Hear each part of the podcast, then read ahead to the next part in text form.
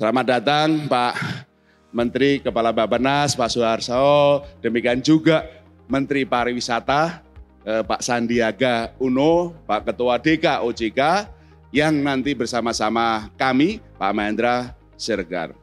Bagaimana tentu saja yang pertama, arah kebijakan digitalisasi secara nasional dalam RPJPN 2020-2024 dan saja berkaitan dengan industri juga digital. Ini menerawangnya rodo aduh jauh lah. Pak Soeharto harus dikasih gitu, yang yang hari-hari gitu, harus jauh bagaimana arah kebijakan yang jangka panjangnya termasuk juga bagaimana nanti kalau uh, digitalisasi mentransformasi ekonomi termasuk mendorong hilirisasi. Monggo Pak Soeharto. Disrupsi teknologi itu sesuatu yang sudah tak terelakkan dan memang sudah menjadi uh, yang kita hadapi hari ini. Orang mengatakannya disrupsi, padahal sesungguhnya itu satu kemajuan yang harus kita absorb sedemikian rupa sampai ke dalam kehidupan kita sehari-hari. Dan uh, salah satu bentuknya adalah uh, misalnya artificial intelligence. Karena kalau kita bicara digital, kita bicara hardware-nya, salah satunya yang kita uh, senantiasa perhitungkan adalah energi di balik uh, digital itu. Uh, misalnya adalah uh, baterai. Kita tahu sekarang baterai itu banyak orang bicara soal uh, uh, lithium ion, ya. Tapi akhir-akhir ini orang sudah mulai dan itu adalah uh, sodium ion dan ini akan lebih uh, mudah meskipun uh, energi density-nya itu masih kalah sedikit dibandingkan uh, lithium ion, tetapi uh, ke depan ini menjadi satu pilihan dan uh, yang menarik juga pasarnya akan luar biasa untuk baterai sodium ion ini. Uh, di lain pihak uh, Jepang mengembangkan Toyota Hydrogen uh, Combustion uh, Energy dan ini sebuah loncatan lagi kalau sudah menggunakan uh, uh, apa namanya uh, hidrogen maka bisa dapat dibayangkan betapa mahalnya air itu dan dengan uh, kira-kira sekitar 5 liter air sudah bisa jalan sekitar 1000 km ke depan.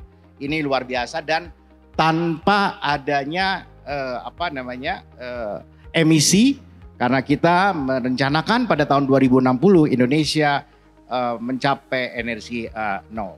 Uh, di lain pihak Indonesia sekarang pada posisi benar tadi disampaikan oleh Pak Erlangga, kita kemajuan ekonomi kita juga sudah cukup uh, baik, cukup cukup uh, bagus. Tetapi apa boleh buat kita selama 29 tahun masih di middle income trap. Mungkin Ketua OJK juga tahu lebih paham Pak Ferry juga uh, lebih paham. Jadi kita harus uh, bagaimana kita mengejar agar kita graduasi dari middle income trap ini dan pada saat yang sama itu kita mengalami uh, apa digitalisasi besar-besaran dan pada saat yang sama kita harus membuat emisi di titik nol dan seterusnya, maka ekonomi harus ekonomi hijau dan seterusnya dan seterusnya. Nah inilah tantangan kita pada saat yang sama uh, luar biasa yang harus kita uh, uh, lakukan. Karena itu di Bapenas misalnya disusun uh, sebuah uh, strategi untuk mencapai Indonesia 2045 dengan enam strategi. Sekali lagi yang pertama tentu sumber daya manusia. Sumber daya manusia uh, yang bersaing dan sejahtera itu jauh jauh lebih penting termasuk di zaman uh, digitalisasi ini.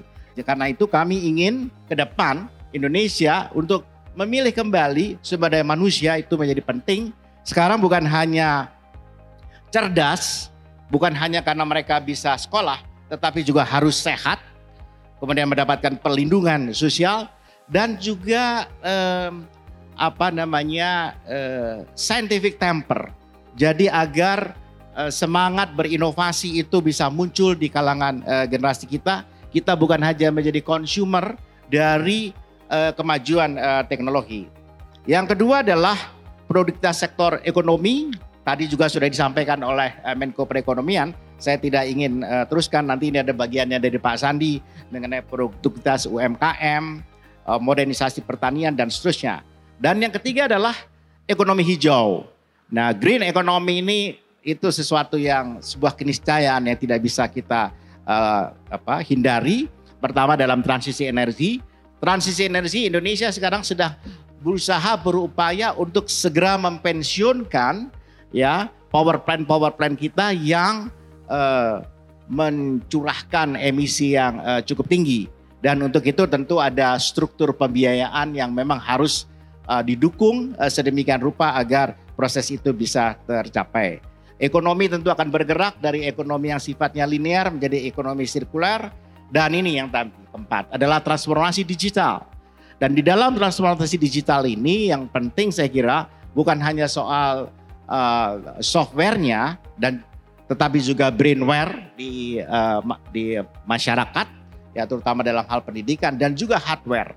Hardware kita itu jauh tertinggal pusat data uh, Indonesia hari ini meskipun kita sudah bangun uh, cukup uh, besar sampai dengan uh, 8 zeta tetapi yang digunakan itu Pak Gubernur itu masih sekitar di bawah 50% 3 zeta oleh seluruh uh, kementerian dan lembaga. Dan ini dalam hal uh, transformasi digital kita juga uh, apa namanya sampai dengan last mile di setiap kabupaten kota yang belum terjangkau. Dan bayangkan kalau kita mau pakai kiris tetapi misalnya di beberapa kawasan di Pulau Jawa saja yang masih masuk di dalam last mile tentu tidak bisa kita capai. Kita ingin pakai kiris di seluruh delinasi Republik Indonesia. Yang kelima adalah integrasi ekonomi domestik. Uh, dalam hal ini adalah pengawasan uh, apa pengembangan kawasan koridor ekonomi, uh, logistik, infrastruktur, konektivitas dan seterusnya dan yang terakhir adalah IKN.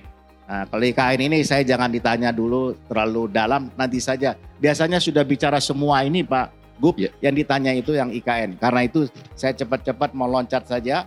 Uh, berikutnya adalah transformasi digital. Di dalam transformasi digital, yang penting adalah tentu infrastruktur digital. Dan dalam hal infrastruktur, infrastruktur digital adalah konektivitas, hmm pusat data dan aplikasi, dan kemudian penyiaran. Yang berikutnya adalah pemanfaatannya. Dalam hal ini adalah pendidikan, kesehatan, UMKM, bantuan sosial termasuk misalnya eh, dalam hal eh, sistem pembayaran. Dan diperlukan sebuah eh, supporter penguatan pendukung. Dalam hal ini adalah keamanan cyber, literasi digital sebagaimana saya sampaikan. Karena banyak juga cerita-cerita yang kita tahu yang ya Cooper lah dan seterusnya. Saya nggak mau cerita. Tenaga kerja digital ini perlu kita uh, naikkan karena dengan proses uh, digitalisasi ini ada sekitar uh, tujuh jenis pekerjaan akan hilang dan itu kira-kira akan uh, memakan uh, korban cukup uh, besar sekitar 36 juta uh, kalau kita, dalam hitungan kami. Dan kemudian ada sekitar 12 jenis uh, tena, apa, uh, pekerjaan baru yang kalau diderivasikan ke bawah itu meng, uh, apa, menghasilkan sekitar 42 juta uh, lapangan kerja. Jadi memang betul ada proses ini tetapi tentu ada uh, ada hal yang menjanjikan di baliknya dan dengan tentu bayaran yang lebih baik dibandingkan di zaman sebelumnya. Terima kasih Pak Gub. Terima kasih tepuk tangan bagi Pak Suarso. Arahnya jelas visinya jelas juga RPJM tadi strateginya dan uh, program kerjanya nanti mohon nanti bahannya kita bisa share sehingga kawan-kawan industri sudah tahu nanti arahnya ke depan. Ke depan gimana? Dengan Kris sekarang dengan Thailand, dengan Malaysia, nanti semua ASEAN, dengan India, dengan Jepang, dengan Korea. Bagaimana membantu pariwisata kita? Pak Sandi, monggo. Saya Rocio ke para UMKM keliling Indonesia, ternyata ada tiga hal yang menjadi mendasar bagi UMKM. Pertama adalah SDM mereka, pelatihan dan pendampingan sangat dibutuhkan. Kedua adalah pemasaran, uh, ini mereka perlu dibantu. Dan ketiga adalah pembiayaan. Nah, kalau kita bedah, transformasi ekonomi kita ini kan dari segi digitalisasi itu di mana yang bisa kita menyentuh tiga hal oleh para UMKM, pelaku-pelaku pariwisata dan ekonomi kreatif. Ternyata banyak terobosan-terobosan yang sudah dilakukan termasuk tadi digitalisasi, tapi kita ada dua hal yang sangat terbuka peluang untuk kita tingkatkan. What are those two sectors? Pertama payment, Pak. Payment ini uh, sangat dibutuhkan untuk para UMKM, terutama UMKM-UMKM yang ada di sektor sektor unggulan kita ekonomi kreatif itu ada 17 subsektor tapi tiga subsektor utamanya itu adalah kuliner, fashion, dan kria. Ini mereka butuh payment system yang sangat mudah. Apalagi lebih dari 60% pelaku UMKM di sektor ekonomi kreatif ini mama pak. Dan mama ini ya mereka tangguh, pejuang, tapi mereka butuh yang nggak ribet, nggak bikin mumet, apalagi uh, beribet. Jadi itu harapan mereka. Nah payment tadi yang diluncurkan seperti Chris tadi saya sempat ngomong uh, sangat membantu, terutama di desa-desa wisata. Saya sama Pak Yahya ini ada program uh, desa wisata keliling Indonesia. Ada lebih dari 4.500 desa wisata dari total 7.500 potensinya. Tapi tantangannya ini uh, sangat beragam gitu. Mulai dari payment sampai kepada digital connectivity. Ada satu desa di misalnya di Kaimana yang sangat indah. Nama desanya nama Tota. Itu saya kunjungan tahun 2021, it takes two years sampai akhirnya mereka dapat digital connectivity. Nah, nanti sama Mbak Krisma juga di beberapa daerah seperti di Anambas, di Natuna. Ini salah satu PR kita tadi karena Bapak bicara satu Nusa, ini harus dihubungkan dari segi digital connectivity. Kami bekerja langsung dengan Kominfo dan bergerak cepat dengan para operator, tapi butuh kolaborasi yang lebih luas. Yang kedua, dan ini udah mulai terjadi, tapi belum terlalu banyak diungkap. Itu adalah karena kita bergerak ke ekonomi digital, ternyata cyber security kita ini belum terlalu robust. Beberapa waktu yang lalu, aplikasi-aplikasi yang kami dorong, karena salah satu subsektor ekonomi kreatif itu aplikasi, begitu trafficnya meningkat, sangat prone sangat uh, berbahaya sekali untuk dari segi keamanan cybernya. Jadi ini saya melihatnya justru malah peluang usaha gitu. Untuk para para pengembang maupun entrepreneur-entrepreneur muda, ini kita harus kuatkan resiliensi atau ketangguhan kita dari cyber security as we move begitu kita pindah ke digital economy. Tadi Bapak Presiden bilang di 2030 total digital economy kita 351 miliar US dollar. Berarti ini harus diperkuat dengan sistem cyber security yang uh, tangguh, kuat, dan dikerjakan oleh anak-anak bangsa sendiri. Selain daripada desa wisata, program Gerakan Bangga Buatan Indonesia ini ternyata berhasil meningkatkan konsep pariwisata yang tadinya rohali. Super mentor rohali itu adalah rombongan yang hanya lihat-lihat. Kita dorong menjadi mereka rojali. Rombongan yang jajan-jajan dan beli-beli produk ekonomi kreatif lokal. Nah, ini kita dorong melalui Gerakan Bangga Buatan Indonesia. Saya terima kasih sekali sama BI eh, yang terus berada di garda terdepan untuk memberdayakan UMKM-UMKM. Malah saya bilang sama deputi-deputi kami di sini para direktur, kita harus punya mitra yang long lasting, yang sustainable. Dan BI ini menunjukkan keseriusannya dalam mengembangkan UMKM. Jadi hampir di semua destinasi wisata dan sentra ekonomi kreatif saya cari ini para pimpinan-pimpinan BI daerah untuk kita rangkul untuk program-program kita. Mulai dari desa wisata, apresiasi kreasi Indonesia, kabupaten dan kota kreatif, sampai kepada film, musik. Tadi kita bicara uh, bagaimana Korea bertransformasi ekonomi digitalnya.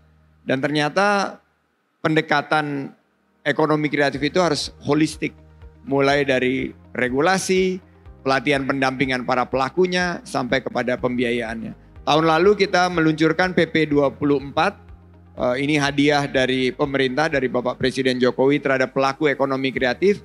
Ke depan pembiayaan itu hak kekayaan intelektual yang telah didaftarkan bisa dijadikan jaminan, bisa dijadikan kolateral dan terima kasih Pak Mahendra kita sudah mulai sosialisasi PP 24 ini. Mudah-mudahan industri perbankan, industri pembiayaan baik itu uh, konvensional syariah maupun uh, teknologi bisa memberikan kemudahan pembiayaan lagi berbasis hak kekayaan intelektual. Tadi khusus mengenai uh, QRIS uh, Malaysia dan Indonesia, ini ada berita terbaru bahwa karena kita memiliki data terakhir di saat kunjungan wisatawan dari Thailand, Vietnam meningkat, justru dari Malaysia ini kuartal pertama turun, Mbak. Dan kita melihat juga uh, ada fenomena turis dari Malaysia itu justru bergeraknya ke utara. Nah, saya ingin mengajak dengan peluncuran tadi uh, QRIS ASEAN bahwa ASEAN as a single destination karena kita sekarang menjadi ketua ASEAN ini bisa kita wujudkan. Nah, mungkin uh, nggak bisa kita hanya bergerak sendiri tapi kita harus 3G. Tadi saya bilang pertama G-nya adalah gercep, gerak cepat, peluang ada di depan mata kita, kita tumbuh 5% lebih ini suatu karunia. G yang kedua geber, gerak bersama, BI, industri dan pemerintah, semua komunitas menggunakan kesempatan ini dan G yang terakhir adalah gaspol. Garap semua potensi untuk termasuk potensi online untuk ciptakan lapangan kerja. Terima kasih Pak Super Moderator. Mudah-mudahan uh, proyek-proyek ke depan kita bisa tingkatkan termasuk juga peningkatan penciptaan lapangan kerja dengan target tahun 2024 4,4 juta lapangan kerja baru. Terima kasih Matur tepuk tangan untuk Pak Sandi, Menteri Pariwisata. Terobosannya Ketua DKOJK baru dahsyat. Pak Mendra silahkan. Terima kasih Pak Peri, Pak Suarso, Pak Sandi, Bapak Ibu uh, yang hadir. Tambah saya terima kasih dan apresiasi atas penyelenggaraan uh, yang uh, baik ini karena ini kesempatan bagi kita untuk kembali uh, stock take ya. Um, melihat apa yang sudah berkembang selama ini dan bagaimana kita juga urun rembuk berupaya untuk bertukar pikiran dan menyatukan pandangan ke depannya seperti apa. Karena pada saat yang sama kita berada dalam persimpangan jalan yang tidak mudah bagi uh, sistem keuangan global dan termasuk di dalamnya juga terkait keuangan digital. Ini sebenarnya tersirat dari pertanyaan Pak Gubernur yang tadi juga menjabarkan apa yang menjadi perhatian Bapak Presiden. Nah dalam hal itu saya rasa keywordnya adalah menjaga keseimbangan antara tetap mendukung, mendorong fasilitasi inovasi, tapi tidak mengorbankan atau tetap menjaga keamanan, kesehatan, prudensial, dan keseimbangan dari sektor jasa keuangan dan juga dari pelaku usaha jasa keuangan itu sendiri. Nah, di sini yang saya rasa kita berada pada persimpangan jalan. Karena di waktu sebelumnya, pada saat kondisi dana murah, dana mudah, dan hampir-hampir dana gratis berlimpah-limpah, excess liquidity di dunia, maka keberadaan dari industri dan pelaku usaha jasa keuangan digital tidak harus terlalu memperhatikan aspek keuntungan, prospek, dan juga kesehatan dari kondisinya. Jadi yang diperhatikan itu hanya top line.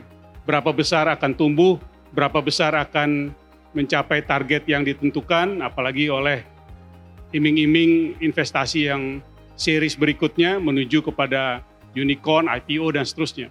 Tapi dengan berubahnya secara drastis kondisi keuangan dan moneter global, di mana tingkat bunga menjadi begitu cepat naiknya, di tingkat global dalam waktu begitu singkat sudah tidak ada lagi. Dana murah, dana mudah, dan bahkan dana gratis itu. Dan saya rasa jangan dianggap fenomena ini adalah sementara. Saya rasa inilah the new normal and permanent feature ke depan. Tidak ada lagi dana yang dengan mudahnya saja bisa diberikan. Sehingga perhatian tidak hanya melihat aspek uh, top line, tapi juga harus melihat bottom line. Harus melihat keberlanjutan dalam uh, jangka panjang dari kacamata bisnisnya, dari kacamata uh, profitability-nya, dan juga sekaligus berkelanjutan. Nah, di sini kunci dari uh, pengawasan yang dalam hal ini termasuk dilakukan oleh OJK kepada pengawasan mikro prudensial yaitu masing-masing perusahaan maupun industri di sektor jasa keuangan. Sebagai contoh, berbeda dengan banyak negara lain di dunia di mana perlakuan terhadap bank digital ataupun industri keuangan digital itu berbeda dengan pengawasan dan perangkat pengaturan yang diberlakukan kepada bank yang konvensional atau industri konvensional. Di Indonesia, kedua hal itu sama. Sebab kalau itu dikorbankan, maka persoalannya adalah ada trade-off antara inovasi, perkembangan, pertumbuhan dengan kondisi kesehatan, stabilitas. Di Indonesia tidak ada.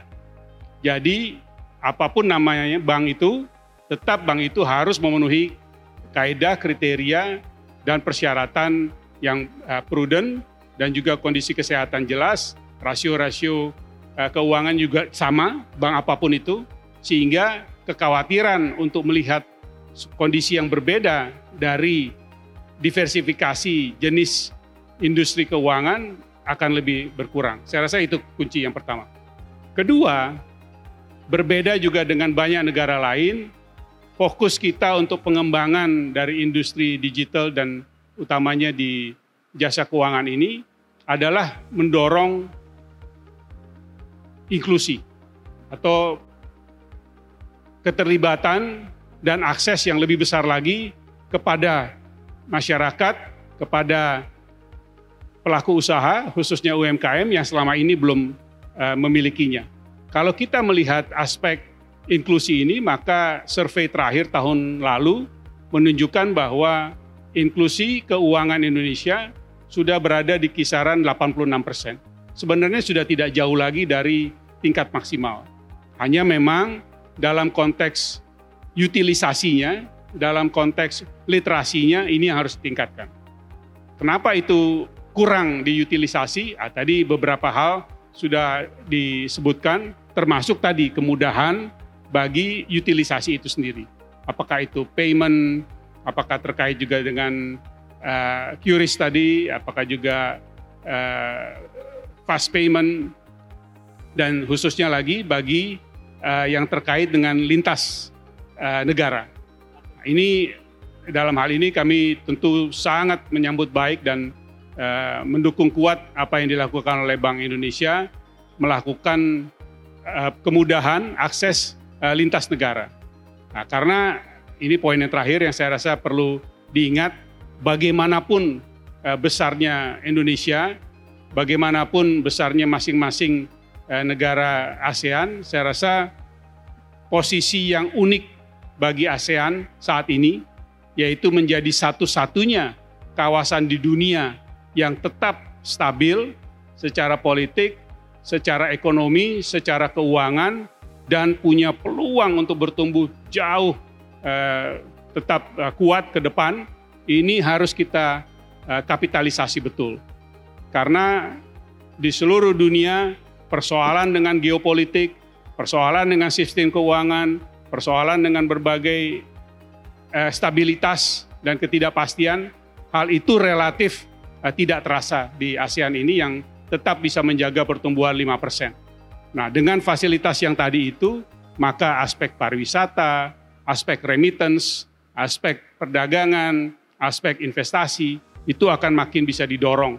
Nah, ini saya rasa uh, pada gilirannya membuka juga peluang bagi seluruh masyarakat Indonesia termasuk UMKM kita untuk akses ke dunia internasional dan khususnya kawasan ASEAN yang memang merupakan pertumbuhan uh, uh, utama di kawasan dan di dunia. Saya rasa dengan kacamata kita menjaga keseimbangan keseluruhan, maka aspek bagaimana melakukan perluasan, pendalaman, dan penguatan dari sektor keuangan kita dan juga peran dari industri digital keuangan akan menjadi solid, tidak menjadi trade off antara satu dengan yang lainnya.